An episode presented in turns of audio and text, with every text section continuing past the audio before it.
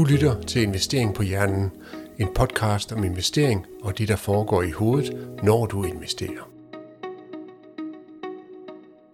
Velkommen til Investering på Hjernen. I dag der skal vi prøve at tale om, om man kan blive afhængig af at investere. Og øh, til det der har jeg fået fat på psykolog Johan Eklund, som vil være min gæst i dagens afsnit af Investering på Hjernen. Johan han er klinisk psykolog på forskningsklinikken øh, for ludomani på AUH. Og det vender vi alle sammen tilbage til lige om lidt. Men vi starter lige med kvikrunden. Du skal bare vælge mellem to ting. Er du klar på det, Johan? Yes, det er Jens. Kaffe eller te? Kaffe. Hvis du skal slappe af, er det så roman eller faglitteratur? Uh, så er det roman. Så er det roman, men du læser garanteret meget faglitteratur også. Ja, det, det, det hænder, ja. Ja. Hvis du skal sådan rigtig slappe af, er det så Netflix eller motion, du tyr til? Uh, så, så vil det være motion uh, efterfulgt af en sauna-tur. Og det er ikke bare, fordi det er det politisk korrekte svar at give, at du uh, giver mig det. det. Det er, fordi det er det, du gør. Det, det er det, jeg gør. Ja. Jeg er ret glad for at cykle. Ja, fedt. Cykle, sagde du? Ja. Spænding eller rigtig cykling ude på landevejen?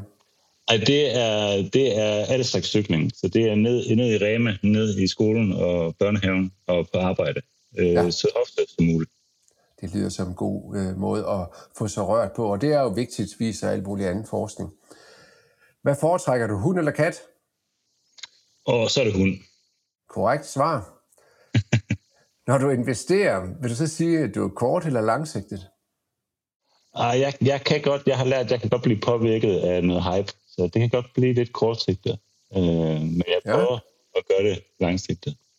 Gør du så noget for at forhindre den hype øh, og kortsigtethed? Øh, ja, jeg har, jeg har koblet af, ligesom af at, af, af at forsøge at følge med. Øh, det var det kryptovaluta, jeg har været en lille smule interesseret i. Ja, Jamen, øh, det kan være, at vi vender tilbage til nogle af de øh, metoder, man kan bruge øh, lidt senere. Nu har du næsten svaret på det ved at sige, det var, hvad det var, du lavede, øh, havde gang i der, fordi det næste spørgsmål, det er, om det er med høj eller lav risiko, du så investerer. Og, og det der, det var, var i hvert fald i min bog høj risiko. Ja, det, det må jeg nok give ret i, ja. Det er det. Udmærket. Jamen, øh, det var det, jeg kalder kvikrunden. Så har vi lært lidt om dig at kende allerede nu. Mm. Lad os prøve at starte med, hvad din baggrund den egentlig er. Altså, du er som sagt klinisk psykolog nu, ikke også? Øh, jo. På ja. for, Forskningscenter for ludomani. Og hvad laver du der? Jamen, jeg sidder og har behandlingssamtaler, øh, så jeg sidder og arbejder med klienter. Altså personer, der ringer ind eller kontakter os og vil have behandling for deres øh, pengespilsafhængighed. Så jeg sidder mest i terapisamtaler, men har også noget forebyggende. Vi er, jeg er aktuelt ude omkring i landets folkeskoler og ungdomsuddannelser, og snakke om netop ludomani. Oftest, øh, at det er øh, enarmet tyvknægte slots på nettet, der er rigtig stort lige nu. Så det er vi ude og forsøge at forebygge, så godt vi kan. Så enarmet tyvknægte, det er simpelthen noget, som mange, øh, nu gætter jeg på, når det er på skoler, unge bliver afhængige af. Altså, altså er det noget, der ligner enarmet tyvknægte? Ja, det er, altså, det er jo bare et, øh, en videoudgave af det, hvor du bare sidder og spiller på en computerskærm. Og det er, jeg blev lidt overrasket, da det begyndte at ske, fordi da jeg startede for 10 år siden, der var det sportsbetting der var det mest populære. Men det er simpelthen blevet overhældet af online slots. Jeg troede også, at, at der ville være meget fokus på, øh, jeg håber, jeg siger det rigtigt, fordi jeg er jo sådan en midalderne gammel mand, ikke også? Men skins og, og lignende spil, som jo også godt kan føre til ludomani, er det ikke også korrekt? Jo, og det, det vil de fleste have, de fleste unge, øh, der kontakter os. det vil have en historik, hvor de, det første gamblingprodukt, de har fået kontakt med, det vil være skins i Counter-Strike, eller, øh, eller de her footpacks i computerspillet FIFA fodboldspillet. De her pakker, hvor du betaler penge, det er tilfældigt udfald, og du kan vinde noget, der har en værdi. Det, vil være det er et gaming-produkt i vores bog, i min bog. Øh, men så udvikler de sig. Så når de bliver 16, 17, 18, så begynder de først at låne vinders, online betting-kontoer, spiller slots, indenom 20 knægte, og når de bliver 18, så, så får de deres egen konto og spiller på legale sider. Okay, interessant. Har du haft nogen i behandling, der har været afhængig af øh, investering i enten kryptovaluta eller i almindelige investeringer? Ja, jeg har haft øh, nogen, der har, været, der har haft en ludomani-problematik med øh, netop kryptospekulation, og også nogen, der i kombination med, med andre ting havde et problem med daytrading. I kombination med andre ting? Ja. Ja, Jamen, så har du jo næsten startet det, som jeg egentlig havde øh, kaldt mit åbningsspørgsmål. Tror du, man kan blive afhængig af investering, fordi det har de jo alt andet lige været? Ja, det vil jeg jo sige. Det, det kan man, når det er det her hurtige investeringsprodukter, så er det en problematik, der er um, fuldstændig, øh, der bliver dækket af ludomani. Ja, og det kan øh, investering jo sagtens være jo ikke også, og, og i takt med, at noget af det jo også i nogle apps begynder at, at, at komme lidt væk fra virkelighedens verden og ligner lidt papirpenge, så bliver det jo endnu mere oplagt, at man kan blive afhængig af det. Er der ikke noget med det? Jo, altså vi, vi plejer at sige, jo hurtigere spillet er, jo, jo farligere er det, og jo mindre friktion der er, altså jo, øh, jo nemmere tilgængeligt det er, jo farligere er, er det også, og jo større risikoen for at blive afhængig. Ja. fordi der sker jo hele tiden noget på det finansielle marked, hvor priser de ændres, og der kommer opdateringer, ikke også, og, og, og friktion i andre sammenhænge synes jeg jo, det er godt. Det har man jo også arbejdet med at fjerne. Altså, da jeg startede med at være investeringsrådgiver, så skulle man jo ringe til en investeringsrådgiver, der kunne hjælpe en med at lave en, en fondshandel. I dag, der åbner man jo bare en app, øh, og så kan man jo være i gang i løbet af ret kort tid. Og, og når man så vil handle, købe eller sælge, så kan man hurtigt gøre det også. Så der er friktionen jo helt væk. Det er det, ja. Helt enig. Og, og, og så kan det blive noget, man kan blive afhængig af. Ja, så er det jo så er det noget, der, der er fuldstændig sammenlignet med et gamblingprodukt, eller som er et gamblingprodukt, hvis du spørger mig. Øhm, jeg havde for eksempel en, en klient, der, der havde haft en problematik med sportsspilling, og han brugte jo al sin tid på, på klare, hvordan han brugte al sin tid på at læse op på kampe og kigge statistikker for kampe. Og da han så fandt ud af, at det var, at det var, altså det var en underskudsforretning for ham, da han tabte for meget på sportspenge, så holdt han op med sportsbet, men så begyndte han at kigge på krypto kryptovaluta. Og lige pludselig så opdagede han, at han sidder i det samme. Han sidder og undersøger, hvad er den næste øh, kryptovaluta eller coin, der, bliver, der er hype omkring, og hvor meget skal investere på hvilket tidspunkt. Så lige pludselig så gik det op for ham, jamen det var helt det samme, han var fordybet i, og det samme, han var, han var forført af den hurtige gevinst. Øh, og det fyldte lige så meget for ham. Ja, han gættede bare på udfald på, på de finansielle markeder, eller på kryptomarkedet, i stedet ja, for på, på sportskampe. Ja. Nemlig. Du lytter til Investering på Hjernen. Find alle de gamle episoder i din favorit podcast afspiller, eller se mere på investeringpohjernen.dk. Hvad er øh, altså kendetegnene ved, at man er, er ludoman? Eller afhængig af noget generelt? Ja, ja når, man, når man snakker afhængighed, så har vi de her tre ligesom, øh, definerende ting, vi kigger efter. Det er jo først øh, kontroltabet. Altså har man, har man forsøgt at stoppe, men er så blevet ved igen har man den her fornemmelse af at miste kontrollen. Og det andet, det er det her med, at det bliver den dominerende aktivitet. Ligesom for ham, den unge mand, jeg beskrev lige før, at det i, i hans tanker og i hans handlinger, så fyldte det størstedelen. Det er det første, man tænker på om morgenen, og det er det sidste, man tænker på, inden man lægger sig til at sove. Nemlig, nemlig. Og det er det, man tænker på, når man er til familiefødselsdagen og går ud på toilettet og tjekker telefonen, og det, det fylder stort set hele tiden. Og alt meget den aktivitet. Og, og det kan man jo have med mange ting jo, den, den fornemmelse der, ikke også? Altså, jeg har også selv været rigtig glad for at, at, at træne i, i de sidste 10 år her, hvor jeg har gjort det rigtig meget, og løbet og cyklet meget. Øh, og det var jo noget, jeg tænkte på hele tiden jo. Så det kan jo ske både med noget, man tror, der er godt, og noget, som man måske godt kan se ikke er så godt. Ja, nemlig. Og det er derfor er det også altid vigtigt, den, den sidste ting, vi kigger efter, det er med, om, øh, om man bliver ved, selvom det har nogle skadesvirkninger. Ja bliver man ved, selvom man har erkendt, at det her, det, min kæreste bliver så rigtig ked af det og sur, fordi at jeg, jeg nedprioriterer vores forhold. Mine venner begynder at kommentere det, min familie kommenterer, at jeg er væk. Og selvom jeg får dårlig nattesøvn, så bliver jeg ved, og selvom jeg kan se, at bankkontoen går i minus, og at jeg er ude og låne penge af alle mulige, og fortælle røverhistorier, som jeg bliver taget i, øh, så bliver man stadig ved. Det er der skadesvirkningen kommer ind. Men, men, men det er jo sikkert rigtig, rigtig svært at sidde og lave den her gennemgang af den her Øh, det er jo ikke en test, men, men alligevel kontrol, ikke også? Altså, har jeg kontroltab? Er det det første, jeg tænker på, ikke også? Er det en dominerende aktivitet? Mm. Bliver jeg ved, selvom der er skadesvirkning? Mange vil jo sige, at ja, okay, sådan er der nogen, der har det, men, men det er ikke sådan, jeg har det. Jeg har kontrol over det, eller jeg har styr på det, eller Præcis. jeg øh, bruger meget tid på at undersøge, så jeg, øh, fordi man kan kun huske gevinsterne, man glemmer tabene måske i en periode også jo. Øh, jeg, jeg skal bare lige den her ene mere, og så videre, og så videre. Det er det der er en lang erkendelsesproces, og det kan tage flere år, før man øh, netop har, det, har det et retvisende billede af, hvor meget det fylder for en. Og det, det, kan, tage, det kan være meget vanskeligt at sige, øh, komme til den erkendelse, at men, der er faktisk noget her, jeg er afhængig af, og som styrer mit liv. Øh, så det kommer bestemt ikke på én gang. Nu sagde du, du havde haft nogen, der havde været i den her situation med, øh, med kryptovaluta, men allerede for, for 20 år siden, da jeg sad og var valutadealer, så kan jeg huske nogle kunder, som jeg vil vurdere, havde en anden form for afhængighed af det, de gik og lavede på valutamarkederne, fordi de blev ved med at komme tilbage, og det var jo store beløb, de kom med, som de så fik gravet frem et eller andet sted i, i deres øvrige forretninger for at lave valutaspekulation igen, som så desværre ikke gik så godt, og så måtte de jo finde flere penge frem. Jeg tror, jeg har mødt nogle af dem her, som har haft et behov for at være i det her marked, og, og troet, at, at de kunne finde den næste gevinst lige om lidt, og, og fik et, et kig ud af det på en eller anden måde. Det er vel også nogle af de ting, man tit oplever. Jo, jo, det er det, og det kan jo, det er jo, det er ofte nemmere at spotte udefra, end det er for personen, der har. Det kan være så tydeligt for de, for de pårørende, men erkendelsen fra, fra personen, der, der spiller, er, er meget længere tid om at, om at komme. Er der nogen forskel på kønnene omkring det her? Ja, det er der. Af vores øh, klienter, dem der søger vores hjælp, der er 90 procent mænd. 90 procent? Ja. Ja. Så vi ser, vi ser langt flest mænd, det gør vi. Så som øh, psykolog, har, har du så noget input på, hvad kan det skyldes?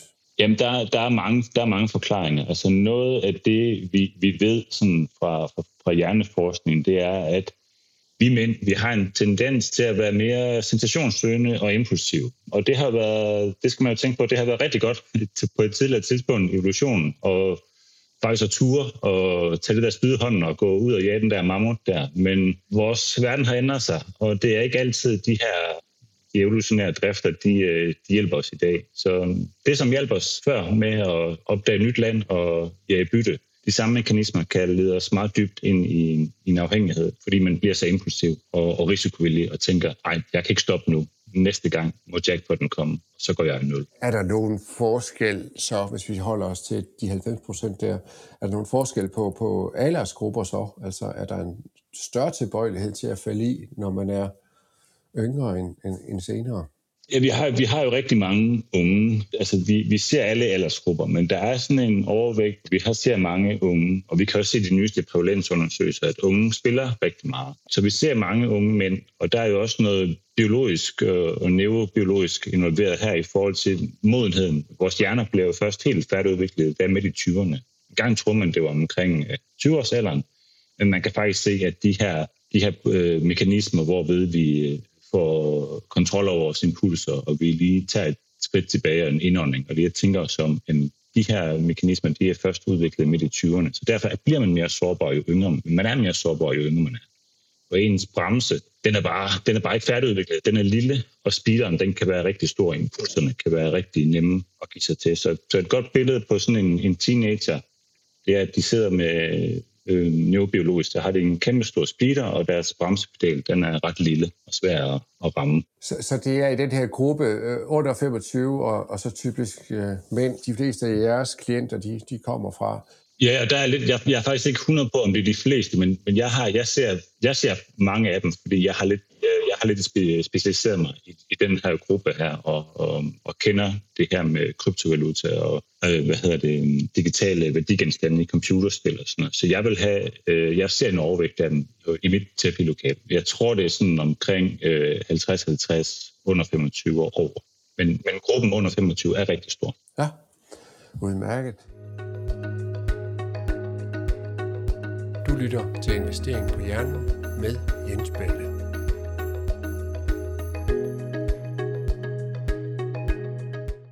Hvis vi holder fast i den gruppe, så var det jo også den, der i mediebilledet og i de fortællinger, der var øh, omkring øh, den her GameStop-spekulation, der var i forbindelse med coronakrisen. Det, det var jo netop den gruppe, man henvendte sig til øh, på det tidspunkt. Der er lige kommet en, en, en film om hele misæren omkring GameStop, øh, og, og det var meget, meget tydeligt også i filmen, at det var meget unge øh, mennesker, øh, man henvendte sig til. Øh, og det passer vel også meget godt ind i, at, at der kunne være stor interesse for den slags, og sensationsløst, og noget, der bevægede sig hurtigt frem og tilbage, øh, og troen på øh, egne evner. Jo, ja, bestemt. Og også noget nostalgi i, i hele GameStop-historien, ikke? fordi den, den her målgruppe måske, som kan huske også at gå ned i, i den fysiske forretning. Ikke? Jeg tror, der har, været, der har været mange faktorer, der har appelleret til dem fordi det netop var GameStop, hele det så kom til at dreje sig om. Ikke også? Øh, men det var jo noget med, med priser, der hele tiden ændrede sig, og, og øh, der var der jo så specielt en investeringsapp, der hed Robinhood, der var i loopet dengang, øh, et af de steder, man mange handlede, fordi man kunne gøre det med meget små beløb. Og samtidig så havde de i den her app arbejdet meget omkring designet og gjort det sådan, at, at det der med, at der sker noget hele tiden, det blev endnu tydeligere med noget, der blinkede og skiftede farve, øh, og man kunne øh, få, øh, hvad hedder det, konfetti, hvis man gennemførte nogle opgaver, det ligesom man kender det fra spilverdenen, og igen blev det sådan lidt taget væk fra virkeligheden og, og over i sådan en, en, en fiktiv spilverden. Tror du, sådan nogle værktøjer kunne skubbe yderligere til den afhængighed? Jamen, det, det, det er jeg sikker på. Jeg kan også se det. Den app, jeg bruger, øh, hedder Coinbase, er også begyndt at sende mig nogle notifikationer, som jeg ikke fik i starten for seks år siden. Så nu får jeg sådan nogle notifikationer om top movers, altså hvilken kryptovaluta, der er enten er på vej op eller nedad. Så de her bevægelsesnotifikationer her. Og det er jo fuldstændig, altså hvis du spørger mig, så er det jo lidt, øh, lidt ligesom, at casinoet giver dig information på rouletten om, nu har der været hot and cold numbers, nu har der været mange, der har været flest syver de sidste tusind trækninger. Prøv at præsentere noget information til dig, som, som, du, som øh, der er fuldstændig oplagt, at vi mennesker vi vil se et mønster i på en eller anden måde. Vi vil få en eller anden tilskyndelse, som vi så kan, kan handle på. Så de, de prøver at lade de her, kaste de her kødlunser til os, kan man sige, ikke? som vi så laver en eller anden teori ud fra og begynder at handle på og satse penge på. Ja, nu snakker du så om øh, Coinbase, og jeg taler om Robinhood, men øh, vores allesammens øh, danske spil gør jo også brug af den slags ting, når de øh, nede i øh, lottobutikken fortæller, at der var en her, der har vundet øh, så og så mange millioner, eller i reklamer gør opmærksom på, jeg tror for to år siden skrev de, at 42, jeg bor i Kolding, havde vundet øh, en million i Kolding og, og sådan nogle ting. Er det ikke lidt det samme, de øh, prøver at dykke ned i?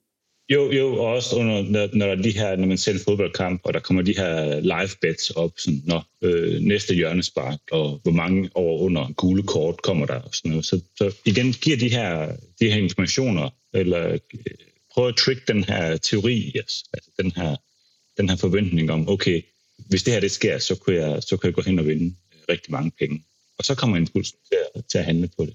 Og som med gambling, så gælder det jo også sådan for en, en internetbroker, at altså huset binder jo altid. Fordi det kan godt være, at det er meget billigt at handle, men så får de jo den der kommission. Så hvis de får dig til at handle mange gange, så kan det jo være en udmærket indtjening. Ikke? Så det er jo nok det, de gerne vil have os til at gøre. Ja, det er det, ja. Og inden for gambling-verdenen, så hedder det jo, det hedder tilbagebetalingsprocent. Den her procent af indskud, som man kan forvente at få tilbage øh, en amatørknægt er sådan ofte som omkring 80, 88, ser i 80'erne. 80 procent, 88 procent. Men det er jo bare en meget pæn måde at sige på, at du taber 12 procent af alle de penge, du smider i det her produkt. Ikke? Så det er, det er en rigtig stor omkostning økonomisk, øh, man har ved en tyvknægt og roulette-spil. Ja, og måske også på, øh, det, er jo, det er ikke helt det samme, man taber på investering. Det er jo sjældent, øh, at, at det er 80 procent i hvert fald af et huset, de vinder men de får jo så øh, fluctuation og andre omkostninger, og derfor har de jo interesse i, at man, man gør brug øh, af det. Og i og med, at, at det er elektronisk, jamen, så er det jo lidt ligesom med chetonger på et casino. Altså, det, er jo, det er jo ikke 100 kroner sædler, man sidder og afleverer eller putter ind i. Og det er jo også godt for både øh, casinoer og enarmede 20 går jeg ud fra. Ja, ja, der bliver den der frakobling til, til, kan man sige, følelsen af penge, ikke? som casinoerne meget tidligt så ved at veksle til sæsoner, så, så sidder det lidt løsere på os. Som er jo det samme, vi kan se i udviklingen af betalingskortene. Så jo, jo hurtigere det, det er, og nemmere det er blevet, jo, jo mere øh, er vores brug steget. For de første plusmaker, den kortet til strege, til, hvad hedder det, den her magnetstrip, vi skulle køre igennem, til chippen, til trådløs betaling. Og nu kan, har jeg mit kort på min telefon, som er at betale med. Det er jo noget helt andet. Ja. Man skal ikke engang have sin tegnebog frem længere. Altså, det er jo bare en telefon, man kan bruge. Nemlig. Øh, som man så også altid har med sig, og derfor altid kan betale jo. Det kan godt være med til at gøre, at man bruger flere penge. Ja, ja, det er det. Og netop, som jeg også plejer at sige, det her med, jeg er, jeg er da glad for, at jeg ikke voksede op egentlig, øh, da jeg var ung med en smartphone, fordi at i dag, der, du, der kan du gøre, der, eller som jeg plejer at sige, da jeg var ung, så kunne du, der var der begrænsede tidspunkter, øh, tidsrum af døgnet, du, jeg kunne gøre noget overilet og dumt i, men i dag, der kan du gøre noget, noget dumt. Du kan tage kviklån øh, døgnet rundt og sætte det hele på råd. Og det er bare nogle helt andre betingelser at vokse op i som ung, end øh, dengang jeg gjorde. Ja, større fristelser og, og lidt mere tilgængelige. Ja, præcis. Du lytter til Investering på Hjernen, en podcast om investering og det, der foregår i hovedet, når du investerer. Der er også noget med, at man kan lave sådan et mentalt regnskab, som jo godt kan afvige lidt fra øh, det reelle regnskab af, hvordan det egentlig går med det, man nu har gang i, hvad enten det er, er spil, og måske også øh, inden for investering. Det tror jeg i hvert fald godt kan ske. Ja, det er der i hvert fald mange af dem, øh, dem vi snakker med, som øh, det er meget, meget få af dem, jeg har snakket med igennem de 10 år, jeg har arbejdet, som har holdt et regnskab. De fleste, de har netop de har bare haft det her mentale regnskab, og så er de tænkt, okay, jeg har godt nok tabt meget, men jeg er godt nok i nul. Jo oftere kviklån skriver breve og sender rykker, jo mere og mere går det op for folk, at jamen, det har været en underskudsforretning, jeg skylder, jeg skylder 200.000 i, i kviklån. Det her, det holder ikke. Men det mentale regnskab holder dem, ja, det er lidt fri for de her konsekvenser øh, fordi det ikke er så, det mentale regnskab, kan man sige, det er ikke så konfronterende, som det kører i vores Excel-ark. Nej, nej det, vi har det med at gøre det lidt mere positivt, så det kunne måske være en god idé at, at, at føre et rigtigt regnskab, hvor man bogførte det hele i for eksempel Excel. Præcis, det, det er vores, det er noget, det vi rådgiver til. Ja, hold et, hold et regnskab, med, hvis, hvis man overhovedet gambler, og som også vil være fornuftigt, hvis man investerer. Og jeg tror også, det kan ske inden for investering, inden for daytrading, hvor man så husker succeserne. Ikke? Også, øh, det er også dem, man altid hører om, dem øh, folk altid fortæller om, når man er til en familiefest, og der er en onkel, der har gjort et eller andet i investering. Altså, de sidder jo aldrig og fortæller, nu skal du høre om det gang, jeg tabte en formue. Det, det er ikke lige så interessant at fortælle om. Det er, det er fuldstændig det samme, vi hører fra, fra folkeskoleklasserne og gymnasieklasserne. De her drenge, de er meget ivrige, det er, når det gælder om at fortælle, at de har vundet 8.000, men, men de fortæller ikke, at de har brugt 10.000, inden de vandt den gevinst. Der bliver sorteret i det, for at sige det på en pæn måde. Ja, og de vil jo blive irriteret af at lave de regnskaber, og så følge med i det for alvor. Ja, det er det. Ja, ja derfor det, det er ikke så sjovt at gøre det. Hos investorer, der har jeg også tit oplevet den her tendens til, at øh, det, der gik godt, det var min skyld. Det var mig selv, der havde fundet på det. Det var mig, øh, der var kommet med de idéer. Men dem, der var gået skidt, det var rådgiveren, der var kommet med det. Det var banken, der havde foreslået det, eller, eller en anden. Fordi på den måde, så er det jo ikke, det er jo ikke mig, der har lavet en fejl. Så, så, altså, som investor, så, så, så er det de andre, der har gjort det.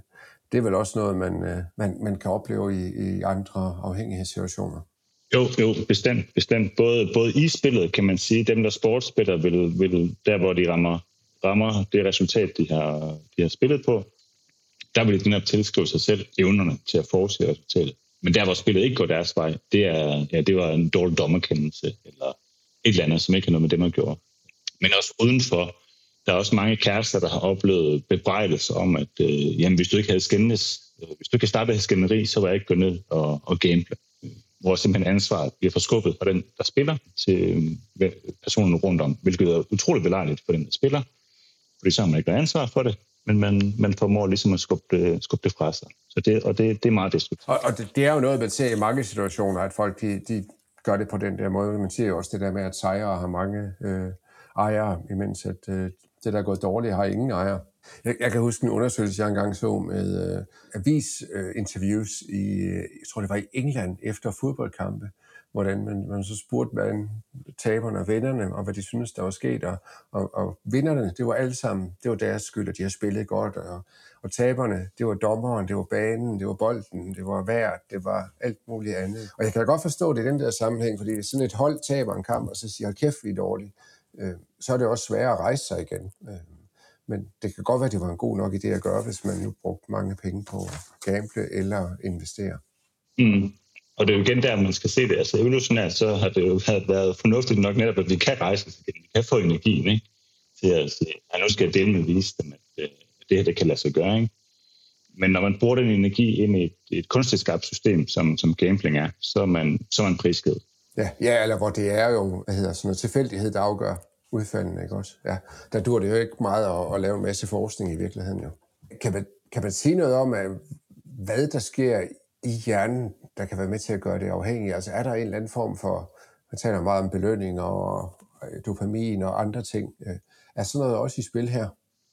Ja, ja, bestemt. Og i gambling, så er det jo det her med tilfældighedselementet. Vi ved jo fra forskning, at der er en kæmpe stor forskel på, om du præsenterer den samme belønning ved den samme indsats. Hvis du, hvis du præsenterer, præsentere den samme belønning. Øh, kan sige, en, en, øh, ja, det, der er meget det her, der, der er forsket i med baggrund af rotter og mus. Så hvis rotten skal træde på en pedal og får en lille, lille stykke øh, mad hver gang, så, så får du en adfærd, der er sådan meget øh, kontinuerlig. Og, og den bliver ved med at gøre det her. Men hvis du skifter belønningen, så den kommer med et tilfældigt udfald, så hver, hver tiende gang, for eksempel, på, på et vilkårligt tidspunkt hver tiende gang, så vil du opleve en adfærd, som er endnu mere, øh, endnu mere vedholdende og meget svær at udslukke, altså meget svær at stoppe med igen. Og det er jo det, vi ser fra den ene amatørknægt eller fra sportsspilling. Det er jo ikke hver gang, man får en belønning, men den, øh, den kommer nogle gange. Så det, det er noget det, det, vores hjerner er så gode til at, at lægge mærke til. Og netop at tilskynde os til, jamen, øh, det her, der er et mønster her, jeg skal, jeg skal blive ved. Og igen skal man forstå det, det her det er udviklet i den, i den virkelige verden, hvor der netop der er så ofte mønstre eller du finder faktisk ud af, at der ikke er et mønster, hvis du bliver ved. Så i den virkelige verden, der har der været en rigtig god ting at blive, få en, en teori om, at om bag det næste bakkedrag, der er en masse frugt eller en masse dyr, byttedyr, øh, og så går man og teste det. Men i, igen, i et kunstigt gamblingprodukt, der er du, der er du ret prisket, hvis du, øh, hvis du bruger din energi til at, jamen, der må være et mønster her. Næste gang, så kommer den med fire. Jeg fik tre jackpot-symboler, nu må den fjerde komme næste gang, jeg trykker. Eller hvis jeg lige banker under bordet, eller holder vejret eller alle de her ritualer, som man kan, man kan komme ind i. Og det er jo det, der er interessant, det er jo, at vi tager det her, der har været med til at få os til at overleve som, som hulemænd, eller hvor vi nu indkommer fra, øh, hvor, hvor det var godt for dem. Øh, og det har vi så stadigvæk med os i en verden, hvor meget har ændret sig. Vi kører stadigvæk nogenlunde på det samme øh, styresystem, kan man vel næsten sige. Ja, præcis. Ja. Der er ikke kommet nogen opdateringer til det i lang tid. Nej. Og, og, og det er jo vældig interessant, ikke også? Og det er stadigvæk, der er jo stadigvæk gode ting i det, ikke også? Øh, og stadig ting, der fungerer, men, men vores verden er bare så meget øh, anderledes, ikke også? Det kan jo være med til at ødelægge. Du lytter til Investering på Hjernen. Husk at abonnere, så du ikke går glip af et afsnit. Udover det her med kontroltab, dominerende aktivitet, og man bliver ved, selvom man øh, kan, kan mærke, at der er en skadesvirkning. Altså er der, er der nogle ting, man kan gøre, en test, man kan tage hos øh, jer eller øh, et andet sted, hvor man kan svare på nogle spørgsmål, øh, og på den måde ligesom få et svar på, om man er øh, på vej ned af en forkert vej? Ja, der, er, der, der er flere forskellige tests. Jeg vil nok anbefale, den Spilmyndigheden har lavet. De har en hjemmeside, der hedder um, stopspillet.dk. Der kan man søge både rådgivning, både som pårørende, og som, hvis man selv har nogle spørgsmål til sit eget spil, de har også en, øh, en test øh, på deres hjemmeside. Jeg laver et link til den øh, nede i min show notes, så folk kan, kan nemt finde den. Og der svarer man simpelthen på nogle spørgsmål, og det kan jo selvfølgelig så være svært at, at, og måske også at svare helt rigtigt der, fordi man jo ser sig selv ofte i et lidt mere positivt lys. Ja, resultatet afhænger af, hvor ærlig man kan, man kan. Det er i hvert fald øh, givet videre. Så tror jeg, at det er vigtigt at være opmærksom på, om man, øh, at man godt kan få en eller anden form for afhængighed, også af investering. Jeg synes, man møder det mange steder, at folk følger rigtig meget med, er meget opmærksom på, hvad der sker. Og det er jo noget af det, der kan være med til, at, at man får den her øh, afhængighed, fordi man så får signalerne, man begynder at bruge penge på det. Det er jo derfor, at Coinbase vil sende dig notifikationer, for de ved, at det kan give dig lyst til at lige prøve en anden kryptovaluta, eller hvad det nu er. Ja, præcis. præcis. Og, der, og vi, vi oplever også, at de, altså, der, der bliver markedsført mere på, med alle mulige produkter, som om, at det er en investering. Også tøj, som bliver, bliver... Der er opstået en kultur omkring, at man, man køber ikke udelukkende sit tøj for selv at gå med det, men også, der er faktisk også en bagtank med, at man kan sælge det videre til, med en fortjeneste. I mange computerspil er der, er der kommet de her digitale værdigenstande, jeg kalder dem, altså digitale items, som det er muligt at, at sælge til en anden. Eller du kan, du kan sælge dine login-oplysninger for din, til din bruger til en anden, hvis du har en god og en attraktiv bruger. Hvis du har nået et vist level i et spil, så kan andre være interesseret i at, at starte derfra i stedet for. Ja, dem, der har flere penge, med flere penge end tid, de vil være interesseret i at få et øh, købe sig til et, et forspring, for eksempel i, i et spil. Og alle de her tidspunkter, hvor, hvor der er noget, man sælger ressourcer i et spil, og prøver at overvåge markedet og tilbyde, at nu har man pullet de her ressourcer sammen, så dem, dem vil man godt sælge til den her pris. Så der er mange, der fortæller, inden de kommer ind i gambling, at de har, de har måske også haft perioder, hvor det har, faktisk, hvor det har været en overskudsforretning for dem. Og det er der, de har fået blod på tanden. Og så begynder de at tage større risikoer, så bliver det kedeligt. Øh, så kan de ikke længere holde sig til de små beløb. Der er også nogen, der vil have øh, oplevelser, hvor de faktisk tjener på en form for handel. Så de sælger kryptovaluta eller digitale items, og har faktisk en fortjeneste på 500 kroner hver tredje dag, men så gambler det hele fortjenesten op på, på to minutter. Så der er mange sådan nogle, kan man sige, blandingsproblematikker øh, eller blandingserfaringer, når det kommer til ludomani. Interessant. Det er jo lidt væk fra min hverdag, må jeg sige, øh, det du sidder og fortæller der. Men alligevel kan jeg jo godt høre, at jeg har hørt noget af det før øh, fra min, især min søn. Jeg har også to døtre, men, men de er jo ikke afhængige eller har lyst til at spille. Heller ikke, at min søn har været det, men han har bare fortalt om skins og handel med dem, øh, og hvor mange penge der kunne være i det. Det er det. Der, der er nogle skins i Counter-Strike, de er jo mere end 100.000 danske kroner værd, og der er professionelle mellemmænd til at lave de store handler, så man sikrer sig mod at, at blive snydt. Og der er sågar historier om folk, der investerer i skins, fordi de har historisk vist sig at holde øh, prisen rimelig godt, og derfor blevet mere attraktive investeringsprodukter.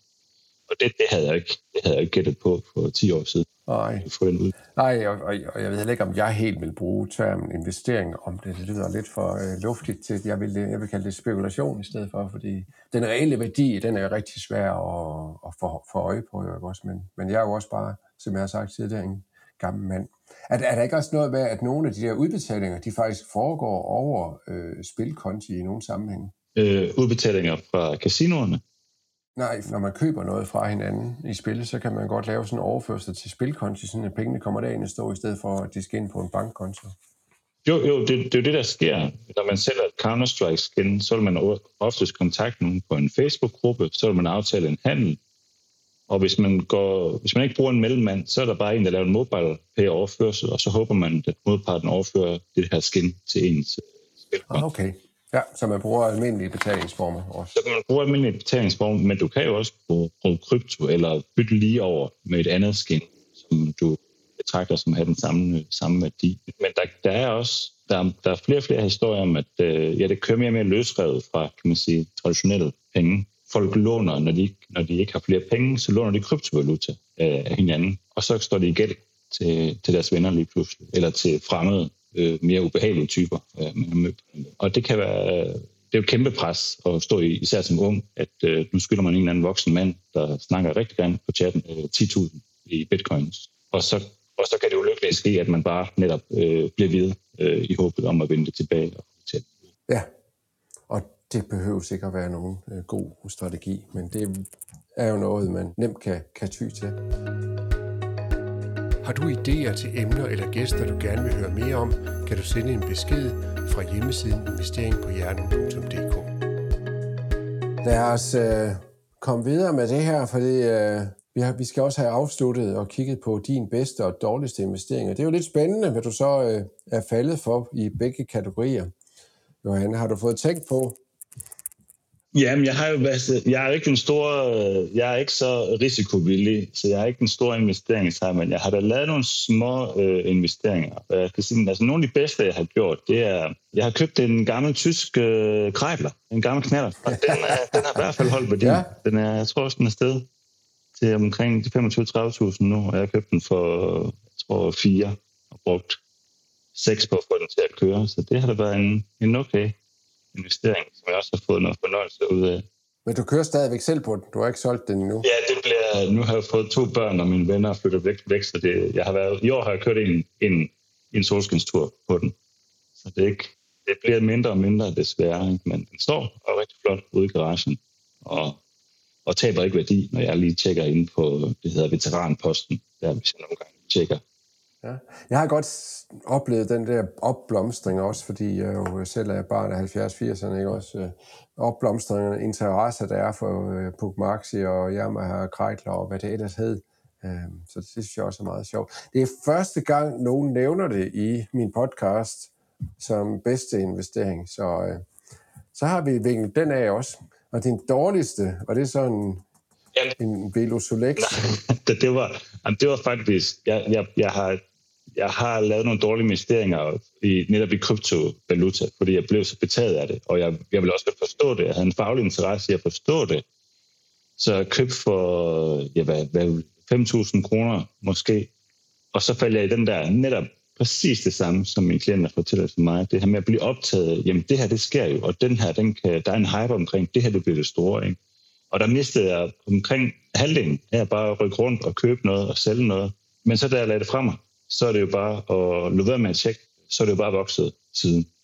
Så det er jo, det er bare sket præcis det samme, og præcis det, jeg rådgiver andre til. Lad være med at investere kortsigtet, investere på en lang bane, og bare lade det ligge lige så fredeligt overhovedet muligt. Ja, og, og, og det, det der med at lade det ligge, er jo et, et godt værktøj til at, at huske det langsigtede view, fordi når man ikke lader det ligge og følger med, så får man jo de der øh, hints til, at du skal lave noget om, og man får lyst til at lave noget om. Jeg plejer at sammenligne det med en, med, med, øh, med en målmand i øh, et straffespark.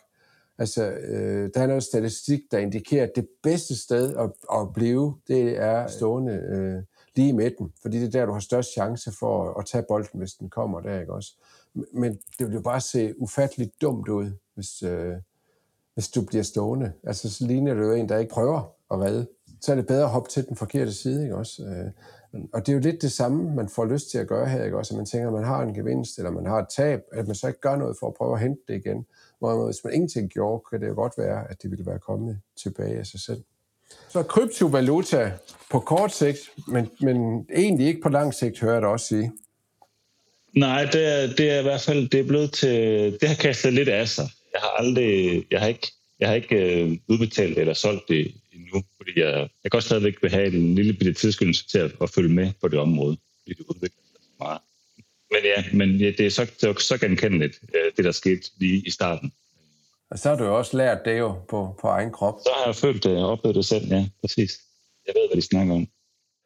Har du et forslag til noget øh, litteratur omkring investering eller, eller investorpsykologi eller psykologi generelt, der kan relateres til det, som du vil anbefale? Tror, jeg tror ikke lige, Jens, på stående fod, jeg kan komme med, med en anbefaling i forhold til det. Altså, jeg vil nok lidt tage den omvendte, den her med, jamen, hvis man skal, hvis man skal stå stærkest til at lave de fornuftige investeringer, så skal man, øh, altså det man skal læse op på, vil jeg heller anbefale, det er sig selv jo. øh, mange af de mænd, jeg snakker med, det er, jo, det er jo meget stolte og stærke mænd, der vil sige, at de kan klare alting alene og mange af dem er ikke en del af et, sådan et for, det jeg vil kalde et forpligtende fællesskab. Så hvis jeg vil anbefale noget, og, og man skulle sætte for at læse op i, så ville, det ikke, så ville det måske ikke være en bog. Så ville det være den lokale mountainbike-klub, eller svømmeklub, eller sauna-klub. For hvis man ikke har det, så bliv investeret i og bruge noget tid på at blive en del af et fællesskab. Så har du den, den, det bedste og mest rolige grundlag at få investeringer ud fra. Det tror jeg, jeg vil sige. Så, så jeg, jeg håber ikke, at det, du siger, det er, at man så skal gøre det, de siger, man skal gøre, når de snakker om investering. Det, du vil, det er noget helt andet. Det er, at du vil have en base og have ro på dig selv, fordi så kan du træffe bedre investeringsbeslutninger. Sådan hører jeg det. Ja. Jo bedre, bedre mentalt du har det, jo, jo mindre tilbøjelig er du til at lave det, som jeg lavede der, fordi der er kommet i kontakt med coach Ja. Jo mindre behov har du for at, at forfølge den her drøm her og det der behov for at være øh, sammen med andre og have et sted at høre til, det er jo også noget, der kommer helt tilbage fra hulemanden. Ja, præcis. Men, øh, men vi mænd, vi er ikke de bedste til at, til at få det plejet. Har du et godt input til dit eget 25-årige jeg om investering eller penge generelt? Ja, så vil det nok være, at øh, jeg havde en kammerat, der købte for 300 kroner bitcoins, næsten lige da de kom frem. Det, det skulle jeg også have gjort. Men øh, det er så nemt at sige, hvis man havde øh, muligheden for at give sig selv sit fortidige eget. Men det tror jeg nok, det vil Det skulle jeg også have gjort. I bagspejl, der er vi jo alle klogere, og det er du fuldstændig ret i. Det var spændende at snakke med dig om det her, Johan. Tusind tak, øh, fordi du ville være med. Jamen, tak for invitationen, Jens. Ja, og øh, jeg har jo sådan en øh, investering på hjernen-koppen, som jeg kan sende til dig, øh, hvor, hvor du så også bliver mindet om det her med at tænke langsigtet, fordi det kan jeg jo høre, du også synes er en øh, god idé. Det ordner vi lige, når vi er færdige her. Tusind tak. Jamen vel, det var, det var rart, og det var hyggeligt at være med. Tak for det. Tak for at have dig med. Du har lyttet til Investeringen på Hjernen med Jens Balle. Har du idéer til emner eller gæster, du gerne vil høre mere om, kan du sende en mail til info eller sende en besked fra hjemmesiden investeringpohjernen.dk. thank you